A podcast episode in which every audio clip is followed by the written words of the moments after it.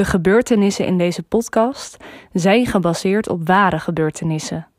Mocht je hier meer over willen weten, verwijs ik je graag door naar de show notes. Veel plezier met luisteren.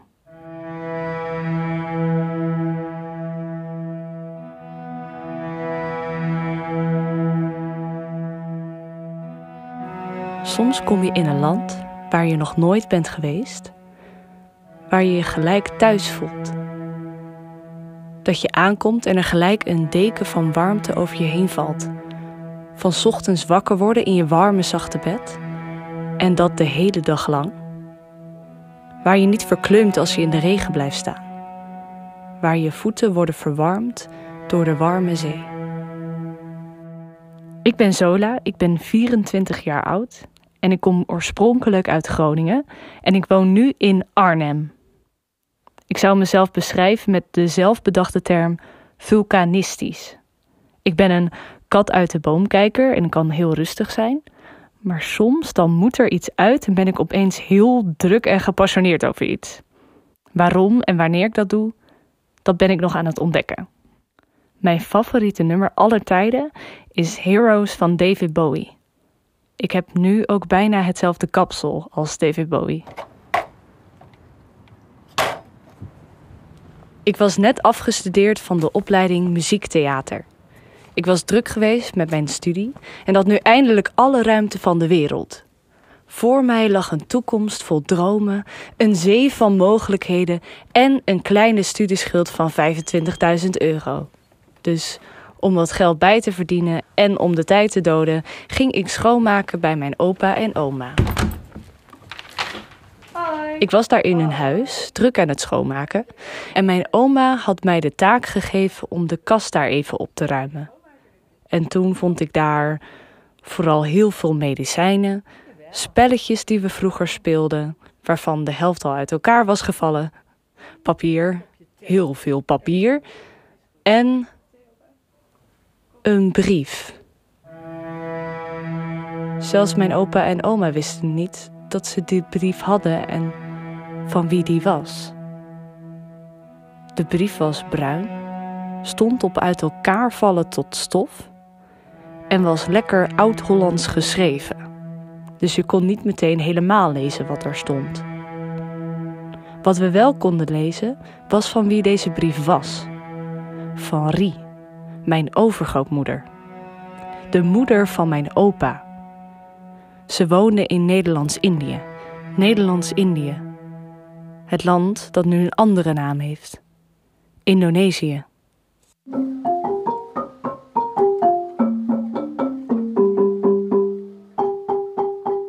Het prachtige land Indonesië. Ik heb het geluk gehad dat ik daar met mijn ouders en mijn broertje naartoe ben geweest. Het land waar je als je het vliegtuig uitstapt er een deken van warmte over je heen valt. Het gevoel van ochtends wakker worden in je warme zachte bed onder je heerlijke warme deken en dat de hele dag lang. Het land waar je niet verkleumt als je uren in de regen staat. Het land waar je zo de zee in kan stappen en waarbij het voelt alsof je in een warm bad gaat. Het heerlijke eten, kado kado, nasi goreng, sambal oelek, sayurboontjes, kroepoek maar ook van de hele dag klam aanvoelen van het zweet, onverwachte aardbevingen en je de hele dag insmeren met anti-muggenspul om te voorkomen dat je knokkelkoorts krijgt. Het is het mij allemaal waard. Mijn liefde voor Indonesië is onbeschrijfelijk. Dit land voelt voor mij als een tweede thuis. Maar ook in Indonesië zie je de sporen van het koloniale verleden. De mooie versierde huizen aan de drukke straten die in opdracht van de Nederlanders zijn gebouwd. Een Indonesische man die in Yogyakarta trots vertelt over al die mooie Nederlandse huizen en die nog zo stevig staan. Die huizen die waarschijnlijk de inheemse bevolking daar zwoegend en zwetend hebben gebouwd voor de buitenlanders. En een brief vinden die komt uit Nederlands-Indië, over mijn familie daar, over mijn opa. Ik had gelijk de vraag in mijn hoofd: was mijn familie fout? Hebben ze ook mensen uitgebuit. Dat was toen zo normaal. Mijn opa vertelt nooit over zijn tijd in Nederlands-Indië en wat hij heeft gedaan en hoe hij daar woonde. Hij heeft daar tot zijn twaalfde gewoond. Marie, zijn moeder, die deze brief had geschreven, zal in deze brief vertellen over gebeurtenissen in Indonesië van tientallen jaren geleden. Dan verwacht je een superspannende brief waarin er van alles gebeurt en nadat je die brief dan helemaal hebt uitgelezen, is je hele leven niet meer zoals het was. In één klap totaal veranderd. De aarde is niet plat, maar rond. Ik hoopte met deze brief antwoorden te krijgen. Waarom ging ze naar de andere kant van de wereld? Hoe was het leven daar als jonge Nederlandse vrouw? Waarom wilde ze weer terug naar Nederland? En wat maakte dat ik zo van het land Indonesië hou? Waarom voelt het voor mij als een tweede thuis? En de verwachting was dat die antwoorden allemaal te vinden zijn in deze ene brief. Gevonden in een kastje bij mijn opa en oma. Lieve ouders, zojuist uw brief ontvangen. Hartelijk dank, lieve moeder, voor de portwissel. Graag wil ik het heugelijke nieuws meegeven dat mijn zoon Dirk Harm is geboren. Hij is een stevige jongen en een vrolijke baby. Hij heeft echt een huiting gezichtje. Bruine ogen en mijn neus krijgt hij ook. En hij weegt 9 pond. Hij is een flinke drinker, dus ik denk dat ik over drie maanden ga beginnen met wat kindermeel. Het lukt wel met de borstvoeding en ik eet genoeg bonensoep en spinaziewater om het bij te houden, maar toch weet ik dat ik snel ga beginnen aan het kindermeel. Ik ben ook heel erg blij dat Ansje nu een kleine broer heeft. Hopelijk kunnen ze over een paar jaar gezellig hier samen buiten spelen. Ze is altijd zo vrolijk en ze praat zo lief met Dickie. Ik zal snel een paar kiekjes laten maken van ons gezin en meesturen met de post. Dan hebben jullie een mooi plaatje van ons. Veel liefs hoor. Het beste met pa. En de hartelijke groet aan allemaal. Rie. De brief leek toch meer op een uitgebreid WhatsApp-bericht. Wel een mooi WhatsApp-bericht. De brief vertelde over de tijd van 24 februari 1940, de geboorte van mijn opa Dickie. Helaas vond ik geen antwoord op mijn vragen. Maar gelukkig vond ik bij Ans, de zus van mijn opa, meer brieven. Zo maakte ik uiteindelijk deze podcast. Ik kreeg meer antwoorden op mijn vragen. Waarom ging ze naar de Oost? Hoe leefde ze daar? En waarom wilde ze terug? En waarom voel ik mij zo verbonden met het land? Voordat ik verder ga, wil ik je graag dit uitleggen. De ouders van mijn opa zijn Rie en Eldert. Rie en Eldert hebben elkaar ontmoet in Groningen. De zus van Rie, tante Lien, was getrouwd met Nico, de broer van Eldert. Snap je er nog? Twee broers en twee zussen, Nico en Eldert en Lien en Rie. Nico en Lien waren al samen getrouwd en woonden op Java in de stad Buitenzorg. Eldert, die ook op Java woonde, kon door zijn verlof naar Nederland komen. Omdat Nico en Lien geen verlof kregen, moest Eldert van Nico en Lien de groeten doen aan moeder Huiting. Rie was bij haar moeder en zag in de deuropening Eldert staan. Het was liefde op het eerste gezicht. Ze heeft haar andere verloving en spaargeld achtergelaten en is binnen een paar maanden getrouwd en vertrokken naar Nederlands-Indië. Samen met Eldert. Eldert werkte daar in het Koninklijk Nederlands-Indisch leger, ook wel bekend als het KNIL. Het KNIL heeft veel betekend voor Nederlands-Indië. Het heeft ervoor gezorgd dat het goed werd bewaakt, dat er nieuwe eilanden bijkwamen. Nu kijken we hier gelukkig heel anders naar, want het KNIL heeft ook heel veel Indonesiërs vermoord. En land afgepakt. Rie was trots op Eldert en nu met hem getrouwd. Omdat ze was getrouwd, hoefde ze daarna nooit meer te werken. Ze hadden een fijn leven daar. Vaak moesten Rie en Eldert weer verhuizen naar een andere plek, omdat Eldert dan weer werd overgeplaatst. Maar zo konden ze ook heel veel van het land zien. Toen waren ze nog gelukkig samen. Beste ouders. Als u deze brief ontvangt, is Ansje net jarig. Ze wordt toch zo lief. En lopen dat ze kan, al helemaal alleen hoor. Als ze jarig is, dan laten wij een paar grote foto's maken En dan stuur ik die naar jullie op en dan geeft moeder haar wel een mooi plaatje, hè? Ans doet alles na en roept tegen iedereen: Dag! Het is werkelijk een echte schat. Ik heb wat prachtige cadeaus gekregen van Lien en Nico. Een mooie japon voor mijzelf. En Ansje heeft een paar mooie broekjes en hemdjes gekregen. Lien zegt dat we naar buitenzorg moeten gaan en dat zij de reiskosten wel wil betalen. Maar ik vind het toch te ver. Het is een dag reizen van 7 uur s ochtends tot 7 uur s avonds. En met een kind erbij is dat wel zwaar. Ansje heb ik nu net in de box neergelegd. Maar ze blijft staan en zingen. En klapt tegelijk in haar handjes. Dat heeft Eldert haar geleerd. Hij is zo lief met Ansje. Als hij klaar is met werken en thuis komt, loopt hij gelijk naar Ansje toe en vraagt daarna: Waar is mami? We hebben nu ook een uh, baboe erbij. Dat is een kindermeisje. Het is fijn dat er iemand in huis is. Eldert zie ik nu zo weinig. Hij gaat s'avonds nu nog naar school. Dat is heel fijn, want niet iedereen krijgt die kans. Er zijn veel jongens die ook volbloed Europese vrouwen hebben, die deze kans niet krijgen. Dus ik ben heel blij voor hem. Maar nu ben ik wel veel alleen thuis. Ik word wel gevraagd voor een zondag thee drinken met de vrouwen, maar daar wordt flink geroddeld, dus ik blijf liever thuis. Gelukkig kan ik wel fijn luisteren naar de radio en een boek lezen. En ik tennis ook nog wekelijks. Ik ben blij dat Eldert een kans heeft om hogerop te komen in het kneel. Dat heeft hij na al die jaren dienst wel verdiend. Het duurt nog maar drie jaar en dan kunnen we weer met verlof naar Nederland. De tijd vliegt voorbij. De groeten en een dikke zoen. Rie, Ansje en Eldert. Het ging dus voor zover allemaal goed daar. Rie en Eldert waren gelukkig en hadden Ans. Na Ans werd Kobi geboren, die een hartaandoening had en na een jaar overleed. Dit was heel moeilijk en verdrietig voor Rie. Gelukkig werd Rie opnieuw zwanger en werd Dikkie geboren, mijn opa. Ze hadden nu twee gezonde kinderen, woonden in Medan op Sumatra en ze hadden een baboe en een kokkie. Waarvan ik niet zeker weet of ze deze mensen wel genoeg betaalden. Maar in ieder geval waren zij gelukkig. In 1940 brak de oorlog in Nederland uit. Het was wel zo dat ze contact hadden met Nederland, maar de oorlog was voor hun ver weg. Rie werd, na Dickie, nog een keer zwanger. Ondertussen werden er wel veel Duitsers en Japanners opgepakt in Nederlands-Indië. Die gingen dan naar interneringskampen. Maar het gewone leven ging voor Rie gewoon door. Tot de aanval op Pearl Harbor.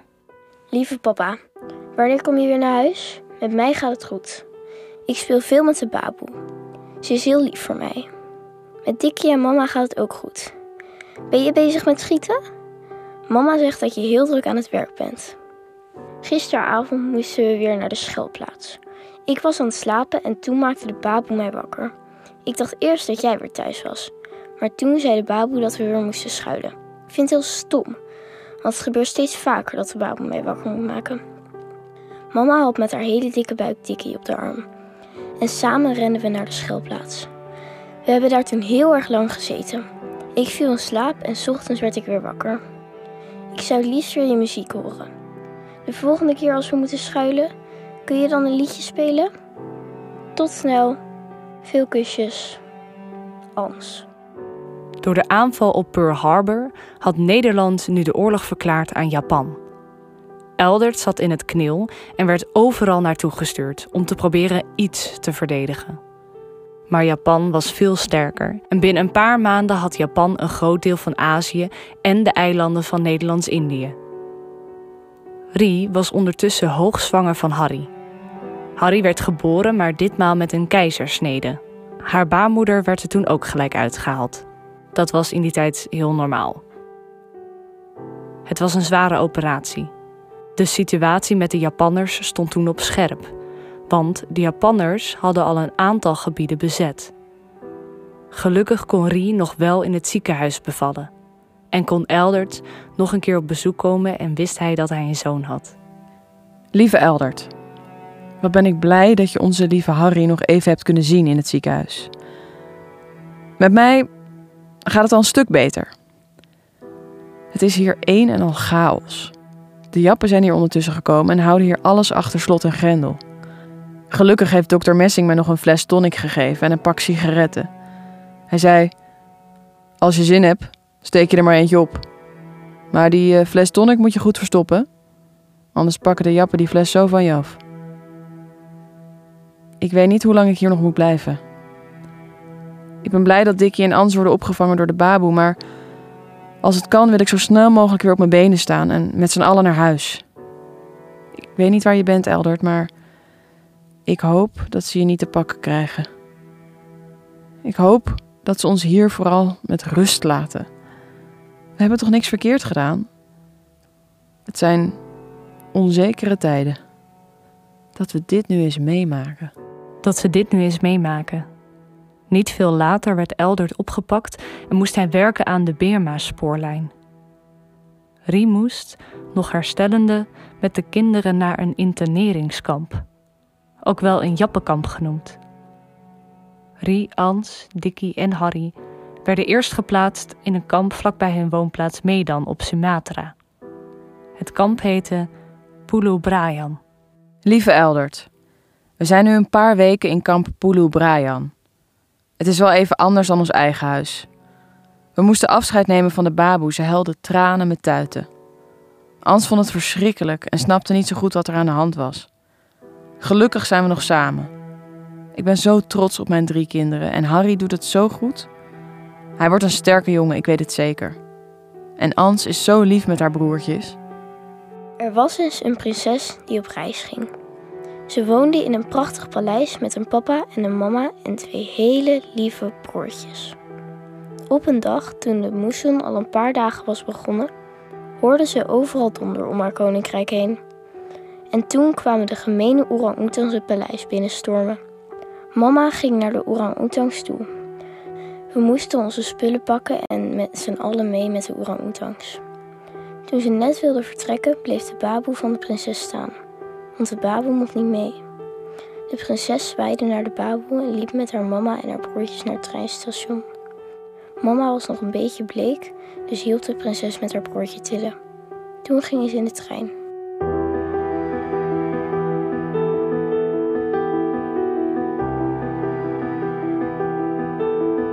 De treinreis was lang en de wagons waren overvol en stikheet. Ik ben blij dat we met z'n drie in een wagon zaten en dat we nog een beetje naar buiten konden kijken. Ans zat de hele reis naar buiten te kijken. Ik probeerde hoop te geven door te zeggen dat er een kans is dat we snel naar huis kunnen. Hoewel ik daar met elke dag in dit kamp steeds meer over twijfel. Dat vond de prinses verschrikkelijk. Want de trein zat vol mensen en het was er gloeiend heet. Gelukkig kon ze door een klein gat naar buiten kijken en zag ze de sawa's en daarna allemaal klapperbomen. Uiteindelijk stopte de trein en moest ze gelijk naar een nieuw huis. We zitten met drie andere gezinnen op een kamer. Het is hier erg vochtig en we moeten op matjes slapen. De koffers gebruiken we nu als meubelstukken. Ik kon helaas niet te veel meenemen omdat ik Harry nog in de slendang moest dragen. Gelukkig mogen we vaak het kamp uit om dingen te kopen op de passar. Ook komen er geregeld inlanders om dingen aan ons te verkopen. Het is fijn om even andere gezichten te zien en ik ben blij dat we er even uit kunnen. Je verveelt je hier namelijk dood. Het eten is schaarser, maar we lijden geen honger. Ik kan gelukkig aan kindermeel komen. Harry eet nu ochtends al een beetje. Ik hoop dat hij snel groter wordt, want dan kan hij van de borst af. Ik hoop dat alles goed met je gaat. Ik weet niet of je terug kan schrijven, want de bewaking is streng, maar die niet waagt, die niet wint. Heel veel zoenen. Rie, Ans, Dickie en Harry. De eerste twee jaren in het kamp vielen nog redelijk mee. Er was genoeg te eten en te drinken. Er was de mogelijkheid om overdag het kamp te verlaten. Het sterftecijfer viel mee en ziektes waren er ook niet heel veel. Het enige wat er was, was de moezon. Wanneer het had geregend, stroomde een deel van het kamp over of was de grond vol met plassen water. Naarmate de tijd vorderde, werden er meer vrouwen en kinderen in Pulo geplaatst. Het eten werd schaarser en de Japanners werden strenger. Lieve Eldert, ik heb al heel lang niets meer van je gehoord. Ik ben inmiddels al lang gestopt met het tellen van de dagen. Ik ben heel blij dat ik mijn drie kinderen dichtbij me heb. Ik hoor vrouwen over smokkelen buiten het kamp. Het eten is soms zo weinig en als ik moeders zie met acht kinderen, dan snap ik dat je gaat smokkelen. Ik twijfel om het te doen. Het wordt namelijk erg bestraft door de Japanners. En dat wil ik mijn kinderen niet aandoen. Straks gaat de moesson weer beginnen en staat het halve kamp onder water. Er is al een kamp helemaal overstroomd. Die zijn nu naar een andere plek verplaatst. Dit duurt nu al zo lang. Ik twijfel of we ooit wel worden bevrijd. En ik ben zo bang dat ik weer een kind moet verliezen. In april 1945, toen de oorlog in Nederland bijna voorbij was, werden Rie, Ans, Dikkie en Harry overgeplaatst naar een ander kamp. Eikbeminke. Het kamp wat uiteindelijk bleek tien keer erger was dan het kamp waar ze zaten. Meer doden, meer ziektes en meer onzekerheid. Eikbeminke zit midden in een oerwoud tussen de rubberbomen. Een stuk verder van Medan af, denk ik. Vlakbij zijn vier putten waar we een beetje water uit kunnen halen. Toilet en douches zijn hier niet. We doen onze behoeften in een gat in de grond. En we hopen dan de maden die erin zitten te ontwijken. Ans let op de kinderen, voor hoe ver ze dat kan. Gelukkig is Dickie al zindelijk, dus hoeft ze alleen Harry nog te verschonen met water. Ik wou dat ik het voor haar kon doen, maar de jappen zijn meedogenloos. Ik moet nu elke dag chankollen. Maar al het eten wat ik verbouw gaat rechtstreeks naar de jappen. Wij hebben niets. Ik laat mijn kinderen niet verhongeren. Ik wil goed voor ze zorgen, dus ik ben begonnen met smokkelen. Ik hoop dat ik goed genoeg voor ze zorg. Ik had door dat Chankolle een voetzweer, net zoals veel andere vrouwen in het kamp. Als ik een kwartier pauze had voor Chankolle, liep ik naar een riviertje om mijn voeten dan te wassen. En er waren me toch een paar goede visjes, die vraten zo alles weg. En na een paar dagen had ik nergens meer last van. De verpleegster zei nog: Mevrouw Deen, we moeten uw voetzweer nog verhelpen. En toen zei ik dat hij al over was. Sindsdien moet iedereen met voetzweren in dat riviertje baden.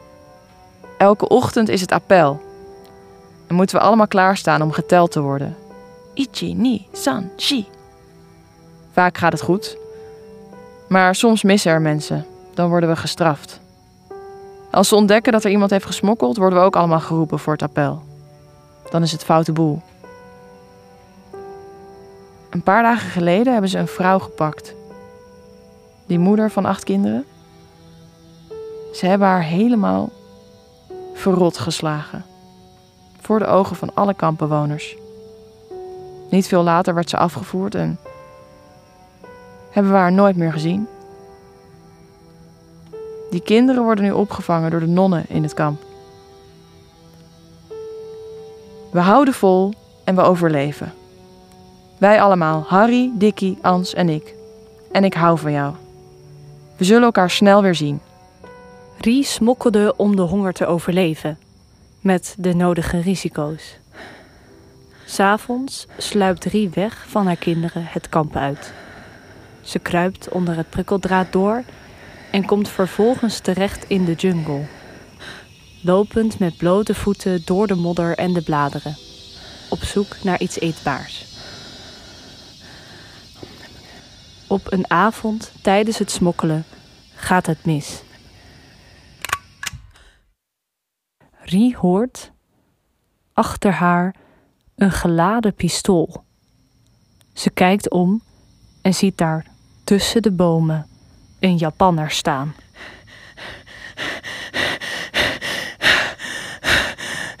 Rustig, rustig. Is hij ver weg? Ik, ik, ik zal rustig omdraaien. Kijk hoe ver die is.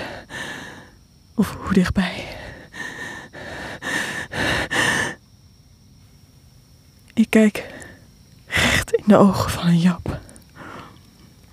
Ik ruik, ik ruik zijn warme zweet. Ik, ik ruik mijn warme zweet. Ik voel zijn adem in mijn nek. Ik laat mijn spullen los. Mijn handen zijn leeg. En ik til ze boven mijn hoofd. Ik kijk als een hond die weet dat hij straf krijgt. Ik zeg: Sorry, ik was de weg kwijt. Ik, ik kan snel teruggaan. Dan, dan doen we alsof er niks aan de hand is. Nee, nee, nee. nee ik, ik denk dat ik zal smeken. Sorry, sorry, sorry. Sorry, ik, ik heb een fout gemaakt. Mijn kinderen lijden zo'n honger. Ze, ze gaan dood. Ze gaan dood.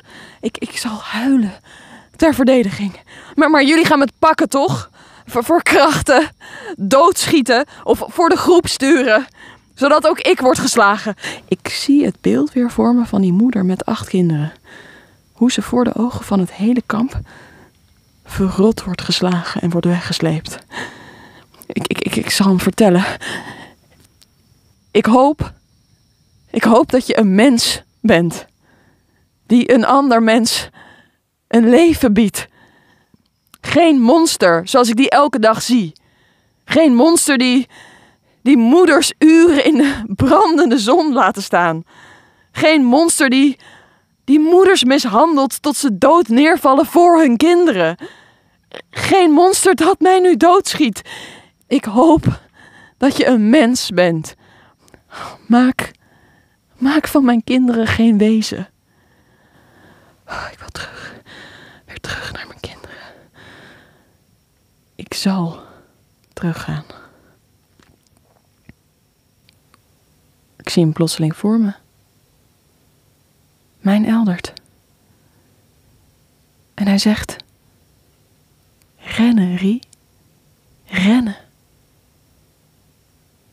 En ik ren. Zo hard als ik kan. Ans had mij dit verteld. Ze kan het zich nu nog herinneren. 78 jaar later. Rie kwam hijgend en kapot geschrokken weer aan in het kamp, bij haar drie kinderen. Ze vertelde over de Japanner en over haar visioen van Eldert. Niet veel later, op 15 augustus 1945, werd Nederlands-Indië bevrijd.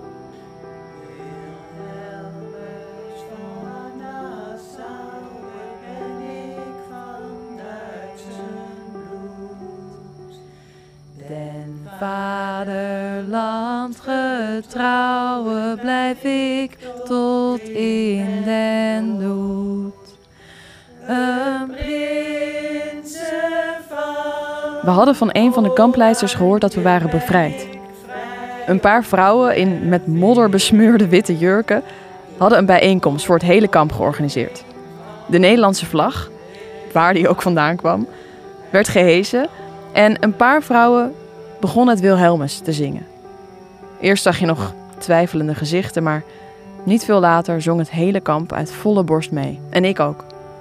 Toen wist ik het zeker. Wij zijn vrij. We mogen naar huis. Ik uh, kreeg een brief van het Rode Kruis.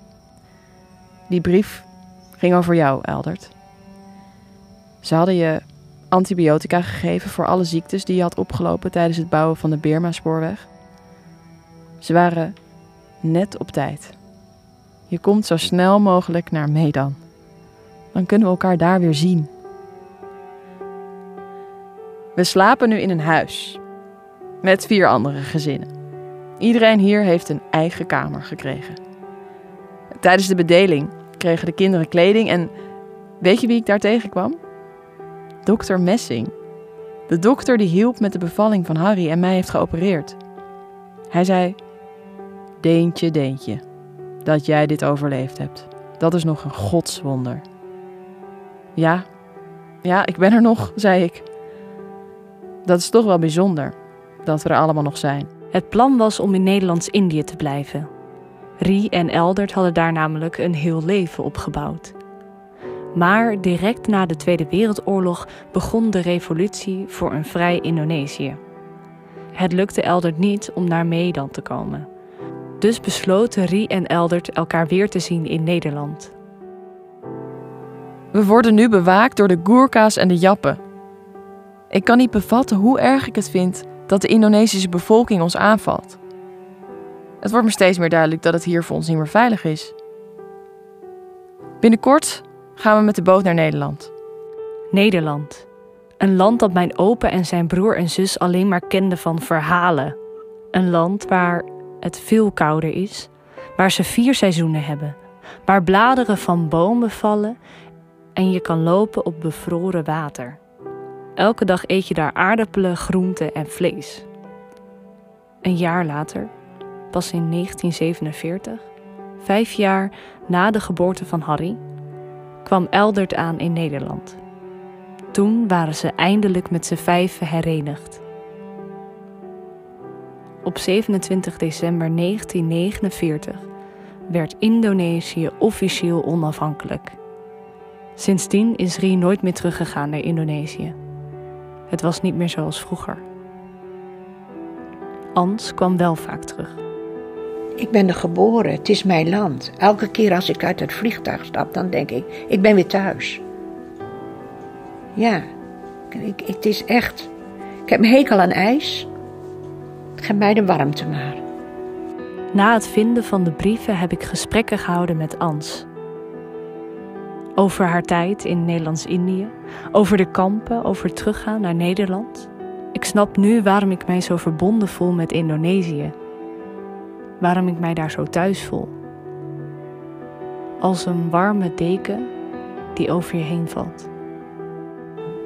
Ja, vochtige warmte. Komt zo als een sluier naar je toe.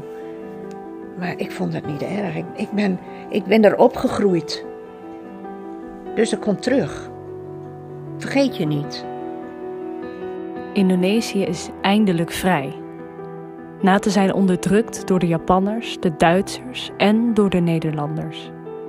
Misschien zijn er ook wel Duitse, Japanse of Indonesische soldaten met een achterkleindochter die aan het schoonmaken is.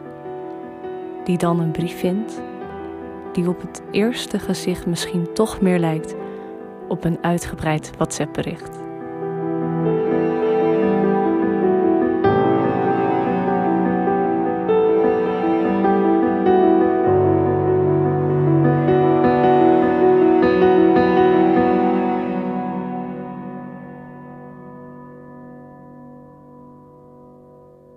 Dankjewel voor het luisteren naar de podcast Naar de Oost. Deze podcast werd mede mogelijk gemaakt door Simon Heijmans, Jare Alink, Merel Rollingswier, Meerte van Wermskerken, Dennis Spee, Ansdeen en Theater naar de Dam. Mocht je deze podcast leuk vinden, laat dan vooral een leuke reactie achter. Alvast bedankt.